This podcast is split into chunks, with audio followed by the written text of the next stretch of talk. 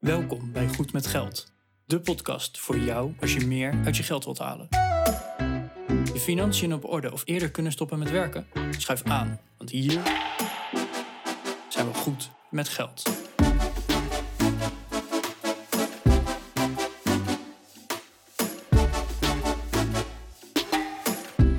aflevering 167 van de Goed met Geld podcast. Uh, Arjan en Bas hier weer en uh, vandaag hebben we een beetje een gekke aflevering die misschien niet zozeer over persoonlijke financiën gaat, maar zeker wel over de financiën van andere mensen. Dat is wel leuk, ga je nog een keer over te hebben. En we gaan het hebben over Russische oligarchen, uh, de miljardairs, een klein, select groepje miljardairs uit Rusland, waarvan we niet zo goed weten wat hun banden nou met, met het Kremlin zijn en met Poetin. En die gasten zijn natuurlijk heel veel in het nieuws geweest de afgelopen tijd. En dat is de reden dat we het erover gaan hebben. Um, we gaan kijken naar, uh, naar de geschiedenis, naar hoe zij aan het einde van het Sovjet-tijdperk heel rijk zijn geworden. En uh, ja, in ons onderzoek kwamen een paar toch wel interessante anekdotes naar boven die we met jullie delen. Dus ik zou zeggen, heel veel luisterplezier. Mocht je nou wat willen teruglezen over deze aflevering, dan kan je dat doen op de show notes. Die staan op onze website, goedmetgeldpodcast.nl slash 167. En wil je ons een persoonlijk berichtje sturen, dan kan je dat doen op goedmetgeldpodcast.nl slash contact. Veel luisterplezier.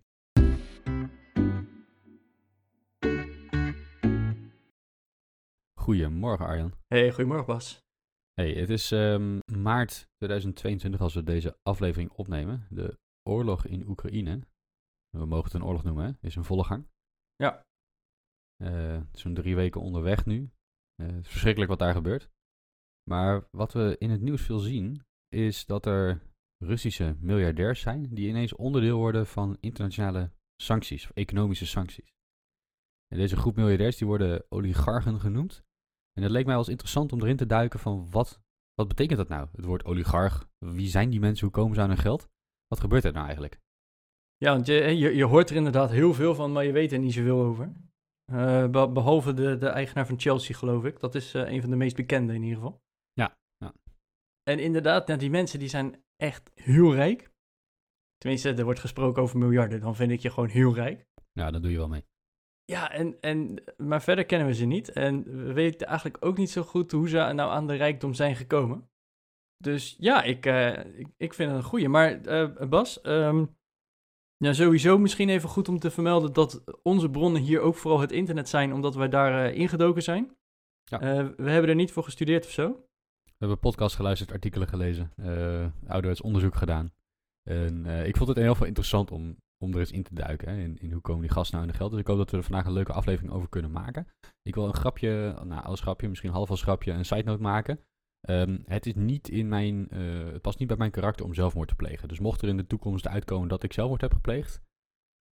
Hm. Misschien moeten we dan naar het Kremlin kijken. Ik, uh, ik, ik, ik ben niet oh. geneigd om dat uit mezelf te doen, zeg maar. Dus ik heb dat nu vast verteld. nee, ik, ik, denk trouwens de meeste mensen niet hoor, maar goed.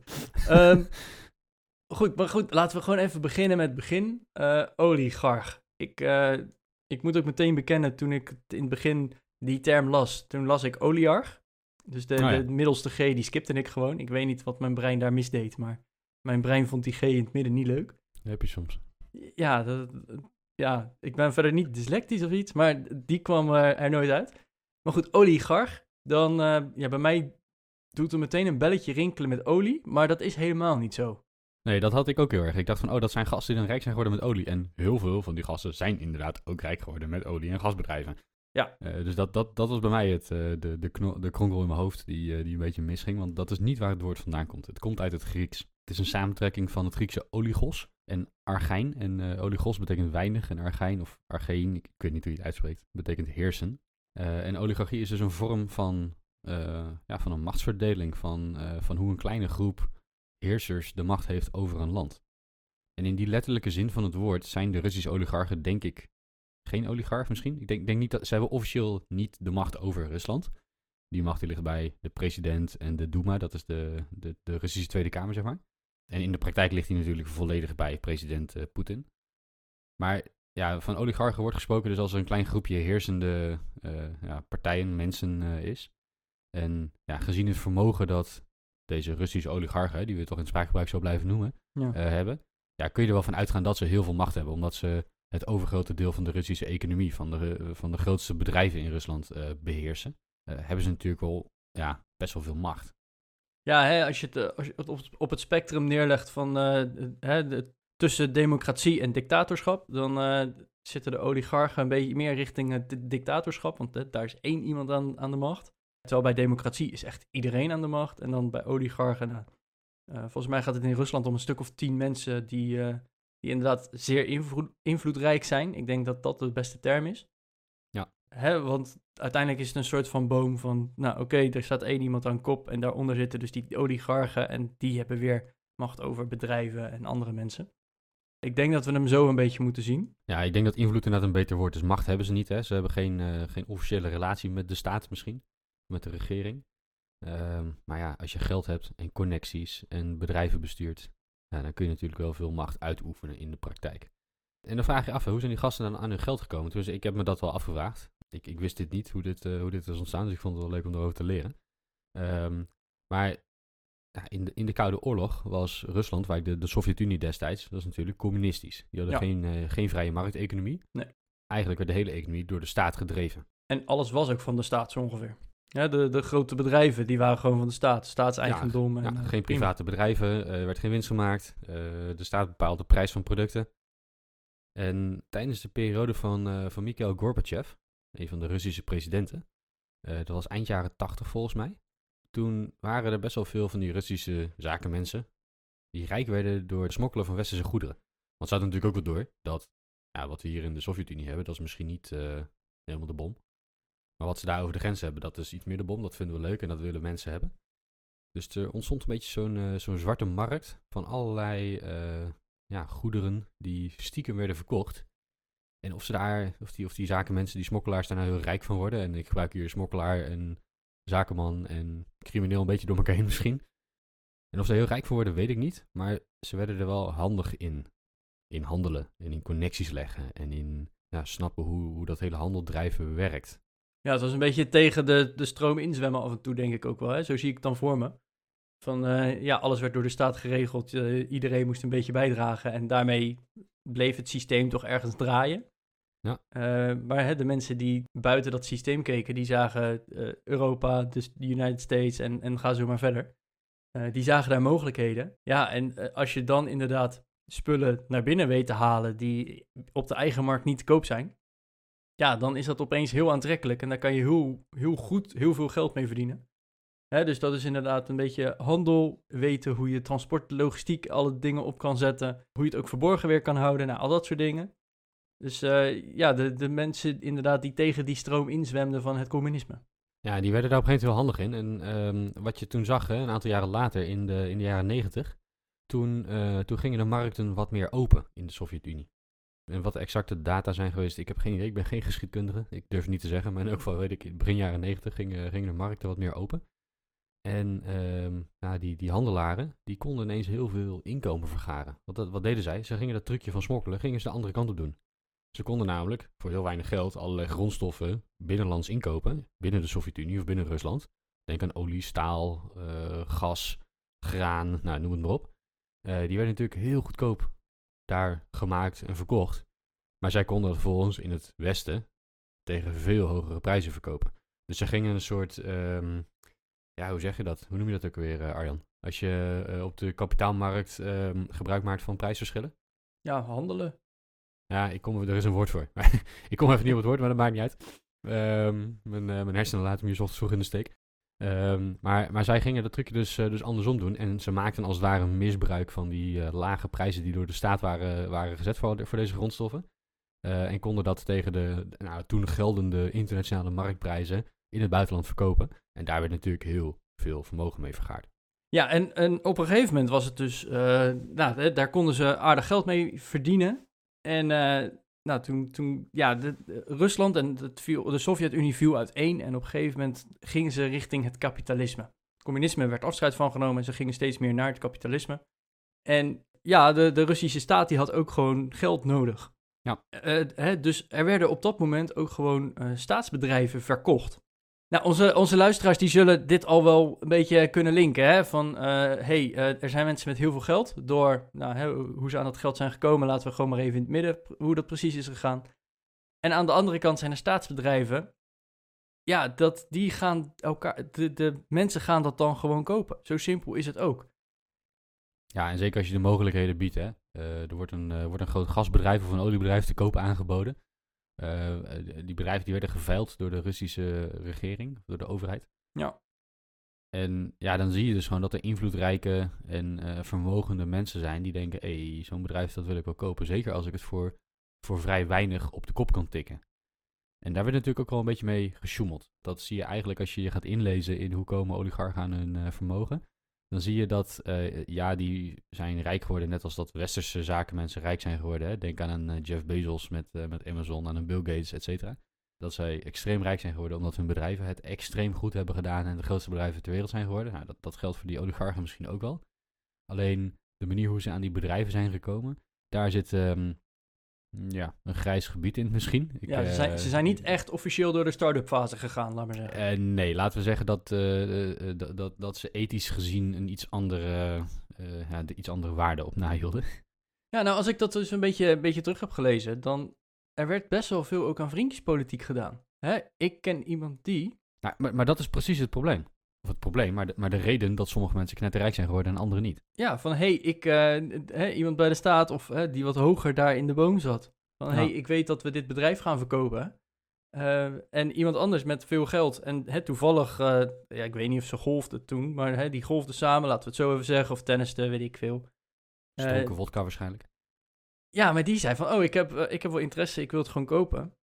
Hoe kunnen zij er dan voor zorgen dat hè, alleen hij de kans krijgt om het te kopen en vervolgens het ook nog eens voor een leuke prijs kan kopen? Ja, er werden, het is een anekdote, ik weet niet of het echt waar is, maar er werd op een gegeven moment een, een, een staatsbedrijf geveild, want dat was, uh, dat was een manier hoe destijds die bedrijven geprivatiseerd werden, per veiling. En dan konden andere bedrijven en uh, vermogende individuen konden daarop bieden. En dan werd er op een gegeven moment een prijs bepaald. Hè? Ik, uh, nou, je weet hoe een veiling werkt. Ik bied 10 euro, ik bied 100 euro. Nou, totdat iemand zegt, nou, nu ga ik er niet meer overheen. Ja. Nogmaals, dit is een anekdote. Ik ben er niet bij geweest. Ik was, uh, ik denk, min 1 of min 2 toen, uh, toen dit gebeurde. Dus um, het is van horen zeggen. Maar die gasten, die, uh, die hadden een, een, veiling. En dat was een gasbedrijf of een oliebedrijf of iets dergelijks. Hè, door de staat groot gemaakt. Ja. In de, in de, in, tijdens het communisme in de, in de Sovjet-Unie. Ja, dat grote bedrijf dat werd op een gegeven moment geveild. En dat werd geveild in een of ander klein afgelegen dorpje in Siberië. Waar één treinverbinding naartoe ging en verder niks. Geen vliegveld in de buurt je kon alleen maar per trein daar komen. Oh, en, en lekker praktisch. En internet hadden ze ook nog niet, kan ik je alvast vertellen. Nee. Dus dan zou je denken, doe dat dan in Moskou of zo, hè, waar, waar in ieder geval connecties zijn en dat mensen daar makkelijk naartoe kunnen komen. Nee, dat werd natuurlijk in een of ander afgelegen dorp gedaan. Uh, en, en waarom? Nou, daar zat iemand die daar al was en die de treinen uh, controleerde. En die vond het wel handig dat hij uh, niet hoefde op te bieden tegen, tegen iedereen. En dat hij dus de enige was die op zo'n bedrijf, op die veiling kon gaan bieden, op dat bedrijf. Dus wat gebeurt er? Die vent die is daar. En uh, die veiling die begint. Er komt niemand opdagen, want hij had alle treinverbindingen stilgelegd. Ja. En hij is in zijn eentje, hij biedt uh, 10% van wat het bedrijf misschien waard is. En de staat zegt, nou oké, okay, het zal wel. Dus uh, op die manier koop je van voor, voor een schijntje zo'n enorm oliebedrijf. Ja, en nou zijn er ook wel weer verhalen die het weer goed praten op zijn minst. Of de, de, de tegenhanger. Van ja, het waren staatsbedrijven, dus er werd geen winst gemaakt. Er werd niet gekeken naar de echte financiën. Het moest gewoon draaien. Een echt winstgevend bedrijf was het niet. Er moest ook wel eerst schoon schip in zo'n bedrijf gemaakt worden. Dus de eerste jaren zullen ze waarschijnlijk ook niet zo heel veel verdiend hebben. Maar goed, als je eenmaal schoon schip maakt in een aardig goed bedrijf, dan kan je dat echt wel heel erg winstgevend maken. Nou, kijk maar inderdaad naar, uh, naar de oligarchen op dit moment. Die zijn niet arm. Maar kijk ook wat er op de wereldmarkt gebeurde hè? In, in die periode. Dat, het is niet alleen dat ze de aankoop van die bedrijven mee hadden. Uh, het is natuurlijk ook zo dat de prijzen van grondstoffen enorm stegen in die, in die tijd. Hè? De, de olieprijs die ging door het dak heen. Ja, dat, dat maakt natuurlijk dat als je heel veel olie hebt, dat is natuurlijk lekker. Dan kan je lekker duur zitten verkopen. Ja, maar en, en dat wil ik dus zeggen. Van, je hebt misschien niet het, het, best, het beste bedrijf of het meest winstgevende bedrijf. Uh, ja, je hebt de markt mee en ja, je hebt een, uh, de, de aankoopprijs mee. Maar je moet er nog steeds wel wat van maken.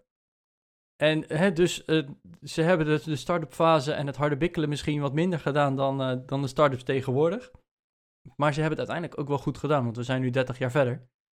Er zijn nog steeds hele goede grote oligarchen met hele goede grote bedrijven. Dus ja. ze hebben het waarschijnlijk ook daar wel ergens goed gedaan. Maar er zijn ook dan van die, van die anekdotes inderdaad, dat ze... Uh, de staat had een lening nodig. Hè, en de, de- die lening was, nou, ik geloof, eh 500.000 dollar of zo. En nou, er waren dan banken van, nou, dat eh, willen we wel doen.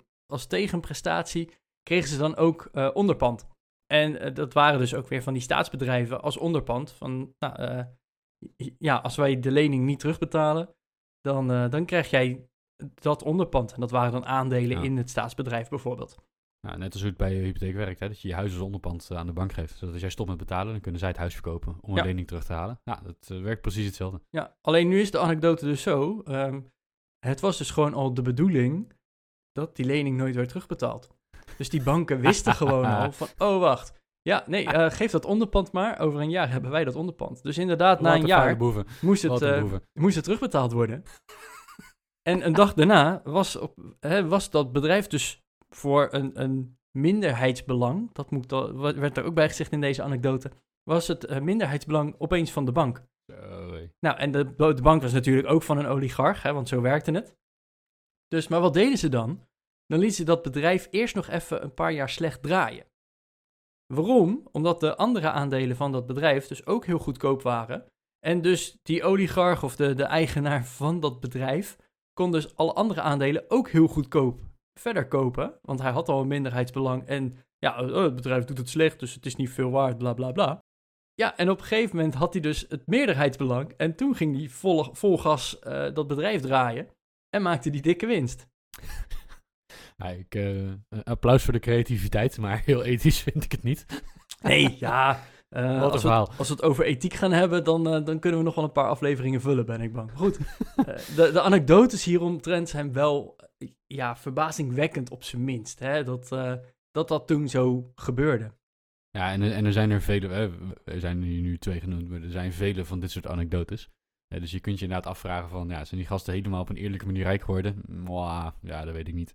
Je, je ziet duidelijk dat er iets van vriendjespolitiek is hè, en dat er een, eh, een bankier is die al eh, met een hoge staatsfunctionaris heeft afgesproken van, eh, jullie gaan niet terugbetalen, zodat wij een deel van die aandelen in hand kunnen krijgen. Ja, dat, dat, dat, is, dat is natuurlijk zo corrupt als wat. En dat is best wel een groot probleem. Tenminste, ik vind dat wel een probleem. Ja. Hé, hey, maar eh, Bas, eh, jij hebt nog meer onderzoek hierin gedaan dan ik. Eh, Er is ook zo'n, ja, of het waar is, weten we gewoon niet. En dat is gewoon heel lastig. Dus het, we blijven noemen dat dit anekdotes zijn. Ehm, maar er zijn dus ook anekdotes over de oligarchen en Poetin. Want hè, de, Ja. de, de eerste oligarchen die kwamen inderdaad aan het einde van de Sovjet-tijd. Onder Yeltsin zijn er een aantal ontstaan. Maar bij Poetin ook. En hè, de, de- er is een bepaalde verhouding tussen Poetin en zijn oligarchen. Eh, en ja, of ze elkaar nou dogen, ik, ik weet het niet. Maar jij hebt daar wat onderzoek in gedaan. Eh, wat, er zit een anekdote bij hoe ze elkaar in stand houden. Ja, ja als, eh, of ze elkaar dogen, weet ik niet. Want, ehm, nou ja, zoals we in het begin van de aflevering zeiden, dat die oligarchen hebben natuurlijk op papier helemaal geen macht. Hè? Geen, ze zijn geen officiële partij in, in, in de staat of in, in, in, in Rusland. Zij zijn gewoon rijke zakenlui. Ja, en eh, er wordt op zijn minst van ze verwacht van... hé, hey, ze tennissen samen, dus hè, misschien kunnen ze even zeggen... misschien moet je dat niet doen. Oh, maar dat gebeurt overal, weet je. Die eh, eh, rijke miljardairs die tennissen ook in Nederland en ook in Engeland en ook in Amerika met, met regeringsfunctionarissen. of ze golfen of ze nemen ze mee voor een weekendje op de boot of zo. Ik, dat, dat gebeurt overal. Dat, dat vind ik niet zo spannend. Maar zij zijn natuurlijk geen, geen echte partij binnen de regering. Nee. Hè, dus, dus in die zin hebben ze misschien geen macht. Alleen, ja, ze worden natuurlijk wel gebruikt. En ze, ja, ik denk dat er toch wel een soort relatie bestaat tussen Poetin en, en deze miljardairs. En, en Poetin is Poetin is een hele bijzondere president, denk ik. Ehm, we weten eigenlijk niet zo heel veel van hem. Dat is, dat is bijzonder. Hij, hij houdt bewust heel veel eh, van zijn eigen informatie geheim. En dat, dat komt uit zijn verleden. Poetin is een, eh een inlichtingenman van, eh, van oorsprong. En het spelletje dat hij speelt is een informatiedisbalans. hij probeert er altijd voor te zorgen dat hij meer weet van jou dan jij van hem. Ja. En, en dat geeft hem macht. En ehm, een bepaald soort macht dat dat hem geeft, is dat hij nou ja, weet en kan bewijzen dat mensen dingen niet helemaal volgens boekje hebben gedaan. Als je weet dat iemand dingen niet volgens boekje heeft gedaan en je hebt daar bewijs van, en je bent ook nog de dictator van een land als Rusland en je controleert dus de geheime dienst en de politie en het leger en weet het allemaal, dan heb je best wel veel macht over deze miljardairs die traditioneel gezien best wel vrij kunnen leven. Hè, dat is natuurlijk eh, in het Westen ook zo. Voor een miljardair bestaan staatsgrenzen eigenlijk helemaal niet. Hè?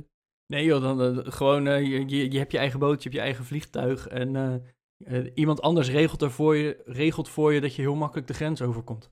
Ja, en dat niet alleen. Je hebt ook meerdere paspoorten. Je hebt woningen over de hele wereld. Ja. Overal heb je personeel inderdaad die dingen voor je regelen.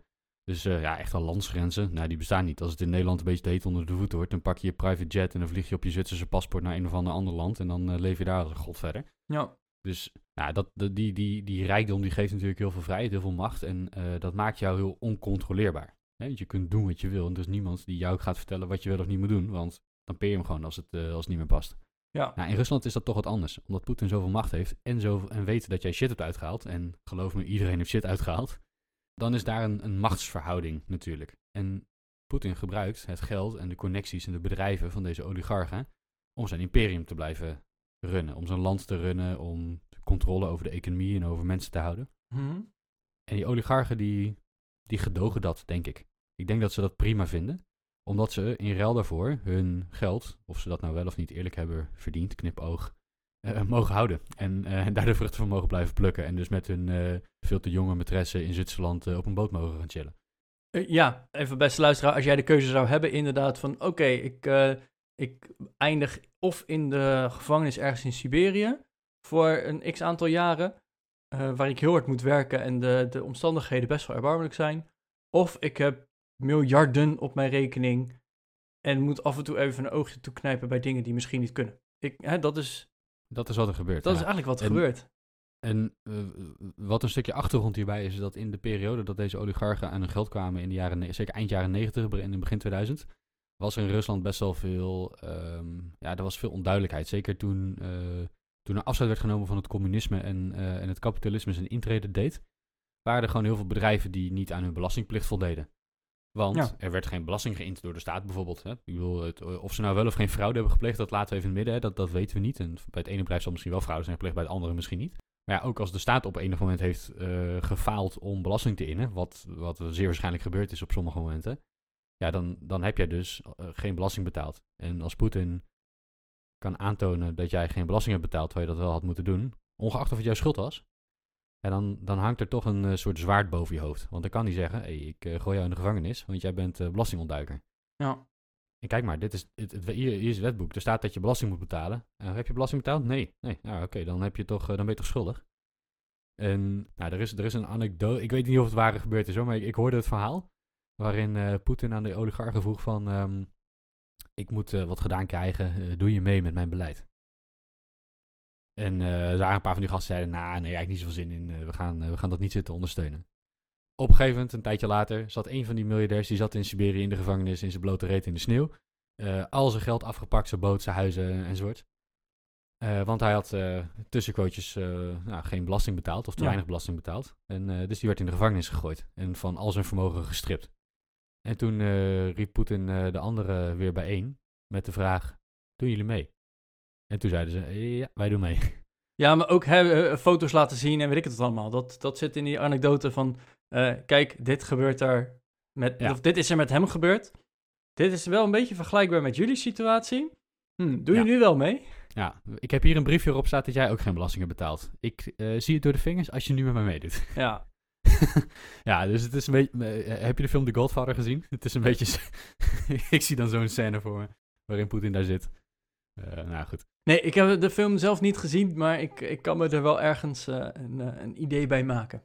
I'm gonna make him an offer he can't refuse, weet je. Dat, ja, maar, maar dat is natuurlijk wel wat er een beetje... Nou, wat, wat er nou gebeurd is. En ehm, ja, ik, ik denk dat die gasten, die bestaan niet bij gratie van Poetin, maar ze, ze behouden hun vermogen natuurlijk wel bij gratie van Poetin. Kijk, Poetin is natuurlijk misschien officieel geen dictator. Misschien is hij officieel verkozen en heeft hij een regering en een Tweede Kamer en weet ik het allemaal om zich heen. Maar hij is de facto natuurlijk gewoon een, eh, gewoon een dictator. Laten we dat maar gewoon op de, op de radio zeggen hier.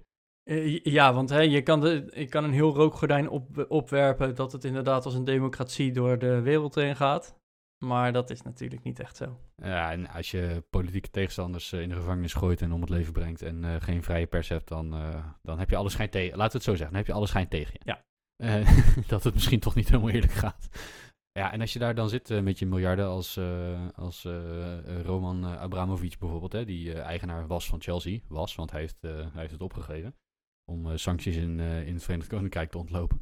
Maar als je daar dan zit met je miljarden, ja, dan, dan kijk je natuurlijk wel van je schouder. Want als zo'n vent uh, eens gek begint te doen en hij besluit inderdaad jou te strippen van al je vermogen, waar die gewoon de macht en de, de middelen toe heeft, dan ben je ook aan de beurt. Dat wil je niet. Dus, dus die gasten die doen, die doen maar mee. En hoe het precies zit, ik denk dat niemand dat weet die, die zich buiten het kringetje bevindt. Maar feit is natuurlijk wel dat er ergens een, uh, een machtspelletje is van heel veel geld. Van uh, een paar hele rijke mensen en een uh, dictator die een heel groot land op deze wereld controleert. Ah, en dat, dat zit elkaar een beetje in stand houden.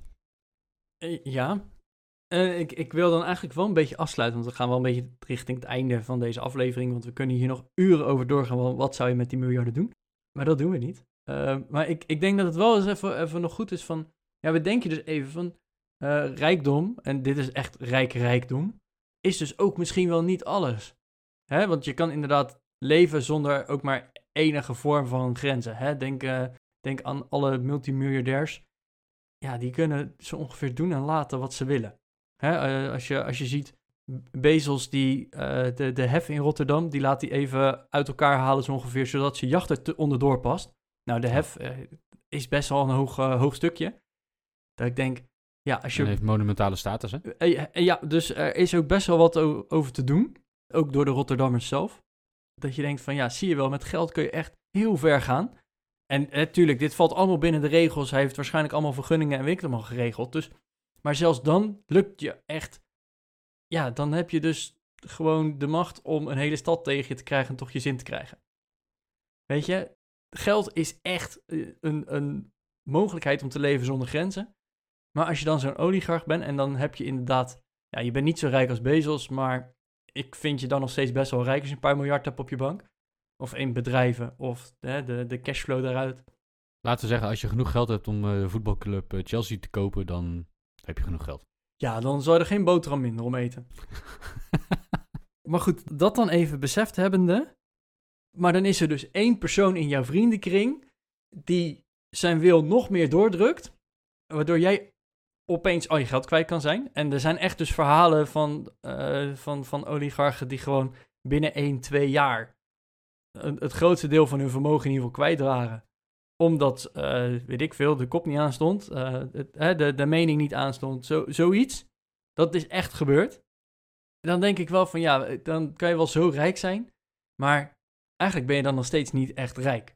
Want je hebt, hè, je, je hebt het niet zelf op een eerlijke manier verworven. En je bent nog steeds eigenlijk afhankelijk van één persoon. En natuurlijk, jouw rijkdom is dan niet afhankelijk van die ene persoon. Want het is niet door jouw vriendje Poetin uh, dat je inderdaad zo rijk bent. Want dat heb je waarschijnlijk echt wel zelf nog voor een deel gedaan. Maar je bent wel afhankelijk van die ene persoon om het op zijn minst te behouden. Of ergens in een strafkamp in Siberië te eindigen. Dat is een beetje de keuze die je dan hebt. Dus ik, ik vind dat altijd, tenminste altijd, ik vind, ik vind het wel ja, een, heel raar en gek en misschien wel beangstigend idee. En inderdaad, alle, alle sancties die zijn dus inderdaad ook tegen alle rijke Russen, hè, de, oligarchen. En dan denk ik inderdaad van ja, inderdaad, dan heb je opeens uh, geen toegang meer tot je miljarden. En dat is echt heel vervelend. Maar dat dat dus eigenlijk nog steeds komt door die ene persoon of de acties van die ene persoon. En dan, dan kan je wel afstand nemen van jouw connectie met hem of je kan wel op hem in willen praten. Maar volgens mij is het echt zo'n zo'n ik zie dat zo'n voor me, hè, dat het als een tweejarige kleuter reageert. Nee, dat wil ik niet. Zo zie ik dat dan echt voor me. En dan kan je nog zo lang op me inpraten, maar volgens mij gebeurt dat dan gewoon niet. Ja, ik vind dat wel beangstigend. En dan denk ik wel van, nou, dan ben ik toch wel blij dat ik in een democratie leef. En het geld wat ik, hè, als wat ik zelf als vermogen heb, dat ik dat in ieder geval compleet onafhankelijk heb. En niet dankzij iemand. En niet dankzij het goeddunken van iemand anders of dat ik het mag houden omdat ze dat vinden. Nee, omdat ik het gewoon zelf heb gedaan. En dat, dat vind ik wel beangstigend voor hen in ieder geval. Ja, dat je dan van één persoon die heel erg uh, onverwacht uit de hoek kan komen, uh, daar afhankelijk van bent. Ja, en dan hebben we het natuurlijk over um, financiële onafhankelijkheid. Dan is uh, dit misschien geen financiële onafhankelijkheid. Nee, want hè, op het moment dat. stel dat het in een andere situatie precies hetzelfde is. Met een andere persoon. En stel dat hè, de persoon waar jij dan afhankelijk van bent zegt. Hé, hey, um, die ene stad, die ga ik bombarderen. Jij hebt een, uh, een bommenfabriek. Uh, jij levert die bommen voor die prijzen. Als je dat niet doet, ja, dan, dan ben je al je vermogen kwijt. Punt. Ja. ja, en dan zit je in de gevangenis en je familie misschien ook. En... Hm. Ja, en dan ga je maar in een werkkamp zitten of zo, weet ik veel. ja, dan eh, hè, op die manier moet, moet je er een beetje aan denken. En ik zeg niet dat dit ook bij Poetin zo is. Daarom eh, wilde ik ook echt een voorbeeld van maken. Maar dat zijn wel de, de dingen die kunnen gebeuren op zo'n moment. En dan denk ik wel van ja, shit. eh, wil je dan wel zo rijk zijn? Nou, niet met deze voorwaarden in elk geval. Nee. Ik denk dat het mooi is om, eh, om af te sluiten. Dat is een beetje een, een gekke aflevering. Eentje die niet zozeer over persoonlijke financiën gaat. Maar ik, ik vond het best wel interessant om hier eens verder in te duiken. En zoals gezegd, hè, door de, door de Russisch-Oekraïnse oorlog die gaande is eh, nu in eh, maart 2022, eh, horen en lezen we er heel veel over. En eh Arjen en ik zijn er eens ingedoken van, hey, hoe, hoe zit het nou hè, met die gasten? Hoe zijn ze hun geld gekomen? En hopelijk heb jij daar nu een beter beeld bij. Ik ben er wel benieuwd, Bas, als, eh, als iemand deze aflevering luistert aan, aan het einde van de oorlog, hè, als dat dan eenmaal een paar jaar terug is. Ik hoop dat eh, de aflevering dan nog steeds gewoon te luisteren is en dat mensen dan nog steeds luisteren. Dat ze dan ons even een mailtje sturen van, hé, hey, we zijn nu eh, tien jaar verder. En die oligarchen van toen, die, eh, ja, nu zijn het geen oligarchen meer, maar gewoon rijke mensen. Of die zijn ook allemaal gevangen gezet. Of eh, die zijn allemaal naar Siberië in, eh, in een werkkamp gezet, weet ik veel ik hoop dat mensen die er naar luisteren ons even herinneren van... hey, weten jullie nog dat jullie het toen erover hadden? Dat is nu zo afgelopen.